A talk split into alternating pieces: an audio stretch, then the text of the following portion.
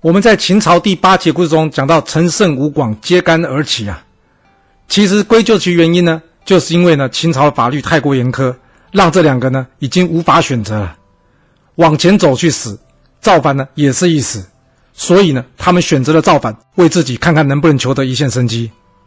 其实回过来看呢，教育或是公司管理也是很类似的，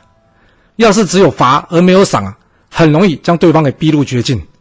一旦对方没有得选择啊。那他就有很可能做出你不想要的结果，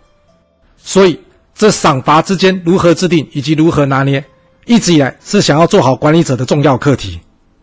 历史刻画着人性，了解历史或许就能让我们有不同视野来看待问题，您说是吧？想要进一步了解详细的故事内容，欢迎您到我的爱故事频道去听哦。